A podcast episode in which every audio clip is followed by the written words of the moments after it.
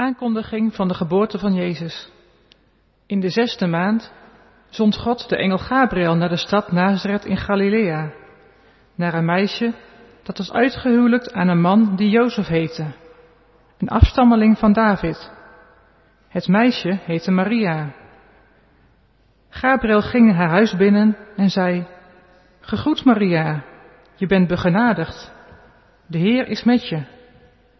Ze schrok hevig bij het horen van zijn woorden en vroeg zich af wat die begroeting te betekenen had. Maar de engel zei tegen haar, Wees niet bang, Maria, God heeft je zijn gunst geschonken. Luister, je zult zwanger worden en een zoon baren, en je moet hem Jezus noemen. Hij zal een groot man worden en zoon van de Allerhoogste worden genoemd. En God, de Heer, zal hem de troon van zijn vader David geven. Tot een eeuwigheid zal hij koning zijn over het volk van Jacob. En aan zijn koningschap zal geen einde komen. Maria vroeg aan de engel, hoe zal dat gebeuren? Ik heb immers nog nooit gemeenschap met een man gehad. De engel antwoordde, de Heilige Geest zal over je komen en de kracht van de Allerhoogste zal je als een schaduw bedekken. Daarom zal een kind, het kind dat geboren wordt, heilig worden genoemd en zoon van God. Luister, ook je familielid Elisabeth is zwanger van een zoon, ondanks haar hoge leeftijd. Ze is nu, al hield men haar voor onvruchtbaar, in de zesde maand van haar zwangerschap. Want voor God is niets onmogelijk. Maria zei, de Heer wil ik dienen. Laat met mij gebeuren wat u hebt gezegd. Daarna liet de engel haar weer alleen. Dit is het woord van God. Geliefde broeders en zusters, hoe dicht staan wij eigenlijk bij Maria? Een tienermeisje, wordt gedacht, dat 2000 jaar geleden leefde, bezoek kreeg van een engel en zwanger wordt vanuit de Heilige Geest. Hoe dicht staan we bij haar? Misschien ben je een man die al wat ouder is en je denkt, ja, zwanger ben ik nooit geweest en zal ik ook wel nooit worden. Uh, ja, dat is wel een hele andere situatie, 2000 jaar geleden. Ik en Maria, daar zit verschil tussen. Misschien ben je zelf een tienermeisje. Die kraak is nog niet weg, hè? Ik, uh, misschien als ik hem hier neerleg, dat het helpt. Nou, ik, ik praat gewoon door. Misschien. Nou, de irritaties moeten weg, hè, eigenlijk. Voordat. Niet aan mij, maar aan het ding. Tenminste, daar kan ik wat aan doen. Oké. Als je geen oudere man bent, maar zelf een tienermeisje en, en je, je menstrueert zelf, dan denk je van ja, nou ik, ik, zou, ik zou eigenlijk wel zwanger kunnen worden. Maar gelukkig uh, zal er bij mij wel geen engel komen en zal ik niet zwanger worden uit de Heilige Geest. Dat verwacht je toch niet. Of je bent een jongen en een tiener en je denkt, nou, dit is eigenlijk, als je erover nadenkt, wel een heel apart verhaal. Kan dit überhaupt wel? Ik zie de geluidsman balen. Maar luistert u gewoon naar wat ik zeg. Die kraak, boeien. Misschien ben je een vrouw die een kind uh, ooit heeft gekregen, wat in je is gegroeid. Weet je hoe dat is om zwanger te raken en een kind te krijgen? De verwachting en ook de spanning die je dan doorgaat. Dan kun je er wel iets van meevoelen, van hoe dat nou voor haar geweest kan zijn. Een meisje, ja toen waren ze wat vroeger vrouw zou je kunnen zeggen.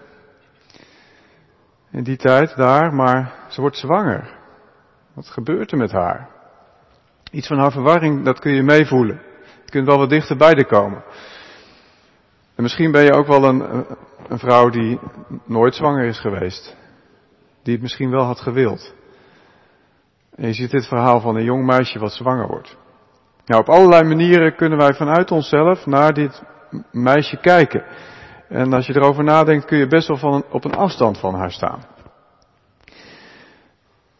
Nou is Maria ook uniek. Zij is de gezegende onder de vrouwen. Eenmaal in de geschiedenis komt de Heere God binnen op deze manier om eigenlijk zelf geboren te worden. Gods eigen zoon, die vlees en bloed aanneemt. Maria is uniek, haar naam staat nog in de geloofsbelijdenis en in die zin eh, hebben we allemaal een iets andere positie dan zij. En kijken we naar haar. Bewonderen we haar ook als lezers van deze adventsgeschiedenis. Maar toch wil ik deze preek uh, ook laten zien dat wat met Maria gebeurt, laat zien hoe God met mensen omgaat. Dus dat hoe de genade van Hem tot haar komt, dat die op die manier ook naar jou toe komt en naar mij. Dus dat we op een bepaalde manier ook Maria mogen zijn. Heel dicht bij haar mogen komen. Eerste ding wat ik dan zie, is dat de genade van God, God die komt naar iemand toe, dat dat een, ook een antwoord is op gebed en op zoeken. Uh, Maria was niet zomaar een, een, een tienermeisje, een jonge vrouw, ja, die gewoon maar een beetje het huis aan het vegen was. En uh, ja, ze ging wel naar de synagoge natuurlijk, maar ja, God, nou, dat komt later wel een keer als ze wat ouder werd. Um, ze had de vriendinnen natuurlijk in het dorp en misschien had ze er net nog uh, uren mee gekletst. En ze hadden games natuurlijk op straat, de spelletjes. En, en God, ja, oh ja, God, ja, soms dacht ze wel eens aan God. Nou, ik denk dat je bij Maria toch wat anders ziet. Ik heb Maria zelf lang uh, gezien als een onbeschreven blad. Maar de engel zegt tegen haar, je hebt genade bij God gevonden. Ze, is, ze heeft genade gevonden en dat betekent dat ze heeft gezocht. Als de engel tegen haar spreekt, dan is ze in verwarring, maar ze denkt ook na over de woorden die worden gezegd tegen haar. Ze laat het niet zomaar weer los. Ze zegt niet het kan niet, maar ze denkt er van binnen over na. Wat je ook ziet gebeuren als de, als de herders zijn geweest, straks in die stal van Bethlehem. Ze, ze bewaarde die woorden in haar hart. Ze denkt erover na. Maria is een vroom en een slim meisje, zei iemand. Een vroom en een slim meisje. Niet slim in de zin dat ze een, een IQ van 130 of hoger had of zo. Nee, ze dacht erover na. En iedereen kan nadenken. Maakt niet uit wat voor schooltype je volgt. De vraag is, denk je erover na? Over de woorden van God. Je er open voor? Zoek je ernaar, naar God zelf? Eigenlijk pas dit jaar heb ik het ontdekt. Zie ik het volgens mij, dat Maria zo'n vrouw is die God zoekt. Nou, in die zin is, uh, er wordt vermoed dat zij een tiener is, ook echt een voorbeeld voor jou. Als je 13 bent of 14, of 15 of 16 of, of 17. Ze is een voorbeeld voor je in het zoeken van God, in het bidden en nadenken over Gods woorden. Dat je dat werkelijk serieus neemt. Ze is een voorbeeld voor jou. En dan kun je zeggen, ja, uh, ja Maria uh, leefde 2000 jaar geleden. Ik bedoel, uh, toen was de PlayStation 5 er nog niet en de 4 ook nog niet. Er was nog een enkel apparaat. Ze kon een beetje de halve dag het huis bezemen of zo. Wat had Maria nou te doen? Ik bedoel, de, wetenschap was nog niet ontwikkeld. Ik heb tien vakken op school, zeg je. En ik heb allemaal toetsen gehad. Nou, goddank nu kerstvakantie. Maar, maar goed, Maria die, die had tijd voor God. Dat is een andere wereld. Hoe gelooft iedereen, uh, man? Maar ik, ik vind dat moeilijk. Kan, dat kan ik me wel voorstellen. Dat je dat zegt. En, en toch geloof ik ook dat mensen in alle tijden afleiding hebben gehad. En hun eigen games hadden. En, en bezig konden zijn met alles behalve God. Het is ook een keuze van je geest. Een keuze van je hart. Zijn je, dat, dat oude lied van het begin, zijn je ziel en zinnen bereid? Staat je hart open om Hem te ontvangen? God komt op bezoek bij mensen die Hem zoeken. Dat is het eerste. Zo, zo, zo werkt zijn genade. Niet als een beloning van als ik maar lang genoeg bid, dan komt er wel een keer een ervaring, een engel of iets wat me echt raakt. Niet als een beloning, maar zo werkt het. Als in een relatie. Als je zoekt, dan vind je. Dus dat is het eerste wat, wat bij mij dichtbij komt als het gaat over Maria. Het tweede is dat Gods genade komt als een tedere inwerking van de Heilige Geest. Als God komt, dan overvalt die mensen niet.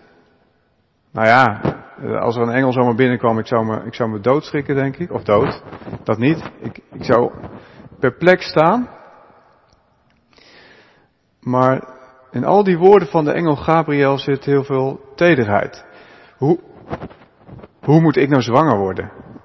Ik bedoel, ja, ik heb Jozef, maar we zijn nog niet getrouwd. Ik, je zult door de kracht van de Heilige Geest worden overschaduwd. Niet overweldigd, maar overschaduwd. Overschaduwen, dat doet een, een tent, een veilige plek. In die geest van God mag jij geborgen zijn. Die geest van God is als een duif die neerdaalt, die een plek zoekt om te landen. Niet een roofvogel, maar een duif. Het is de tedere werking van de Heilige Geest waar het over gaat. Nou, dat is, dat is bijzonder, omdat eigenlijk de meeste mensen die over God of over goden gingen nadenken in het verleden, dit hebben mensen altijd gedaan, hoe zit het dan met alles wat ons te boven gaat, die dachten eerder aan geweld bij een God. Er is een verhaal, een gek verhaal over uh, de oppergod van de Grieken, Zeus. Uh, de Romeinen noemden die god Jupiter. En die, uh, nou, die had een godenberg waar die woonde dan een soort van hemel. En daar had hij ook een vrouw en er waren nog wat kinderen enzovoort. Uh, maar Zeus, die een vrouw had en kinderen, vond het af en toe ook wel interessant om naar de aardse meisjes toe te gaan. Als hij mooie meisjes zag, dan ging hij nog wel eens op af. Op een dag zag Zeus, de oppergod, een paar mooie meisjes spelen op het strand. Vlak bij Israël daar ergens.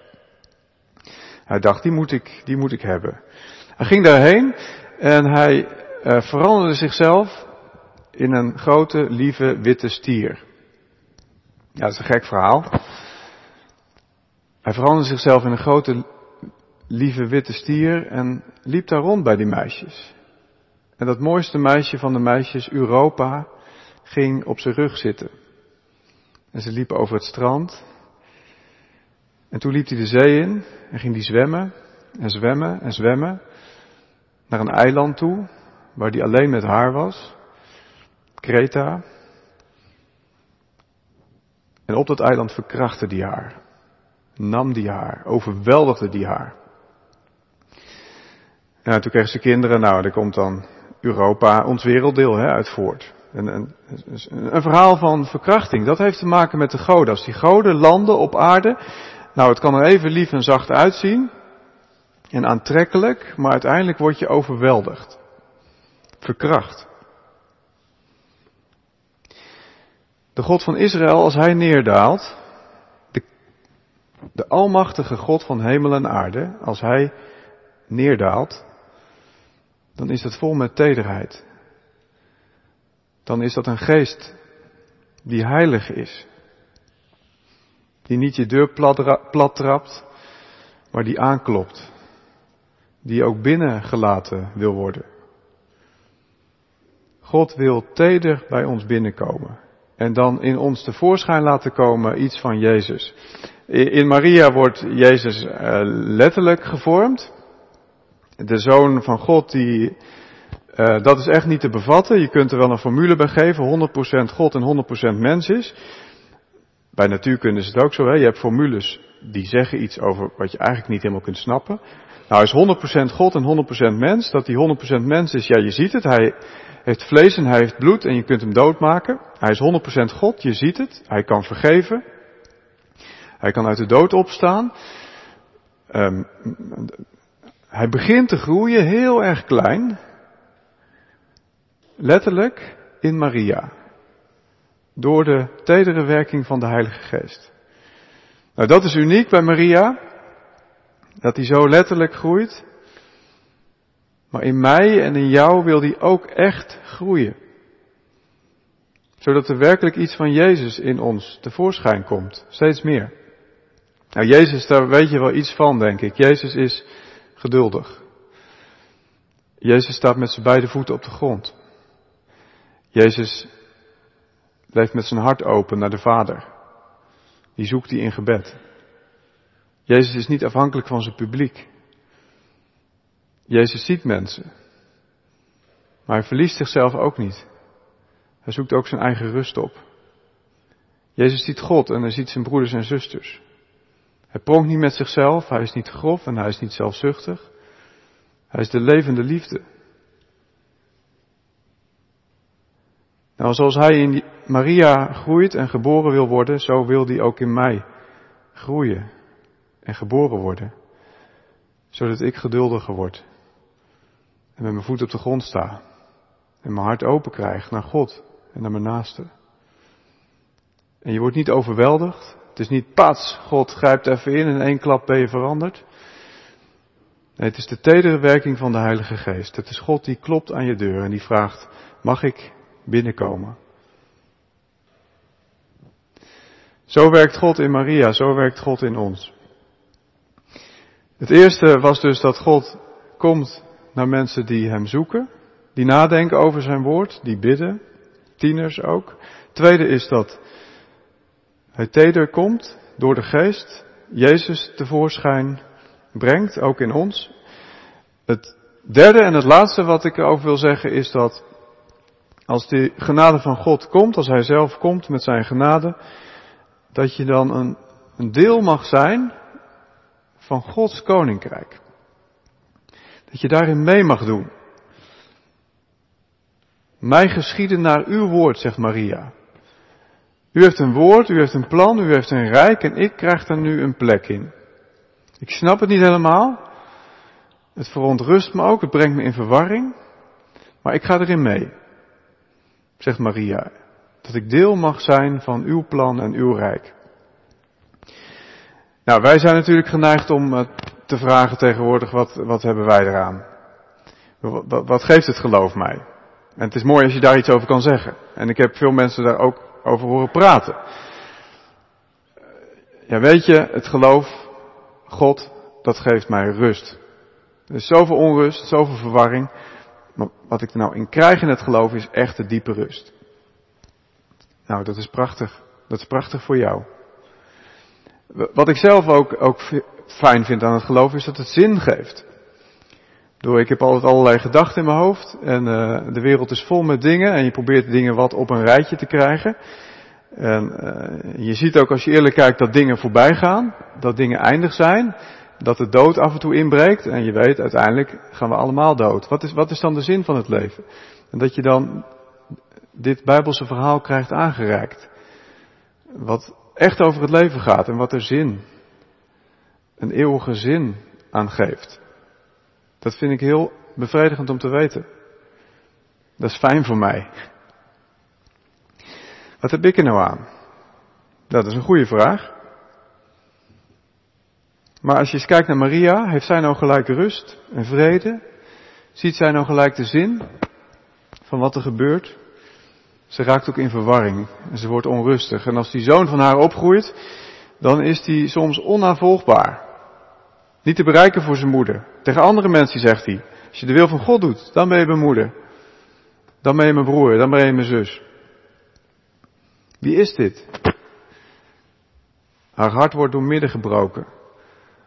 Als haar zoon mee wordt gesleept naar Golgotha en wordt gekruisigd. Maria moet ook sterven aan zichzelf. Maria moet zich overgeven. En dat doet ze. En dat leert ze in haar leven. Nou, zo word jij, word ik ook uitgedaagd. Ik, ik, ik kan voor mezelf dingen vinden in het geloof en je kunt vanmorgen misschien ook iets vinden in deze dienst en in deze preek en dat kun je meeharken en meenemen. Nou, dat is iets wat ik onthoud, fijn, dat neem ik mee in de pocket. Dat kan. Misschien is dat alles van vanmorgen, dat kan.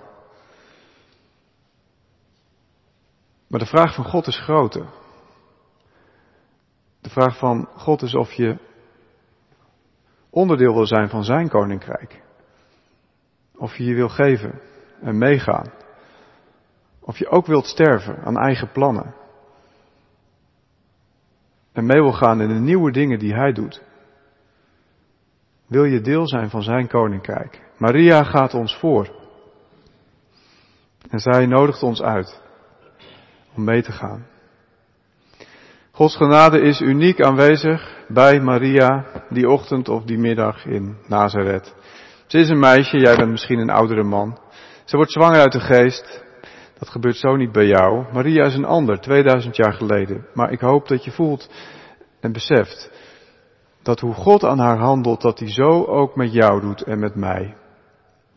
Als je hem zoekt en nadenkt over zijn woord, je zult gevonden worden en gezien worden.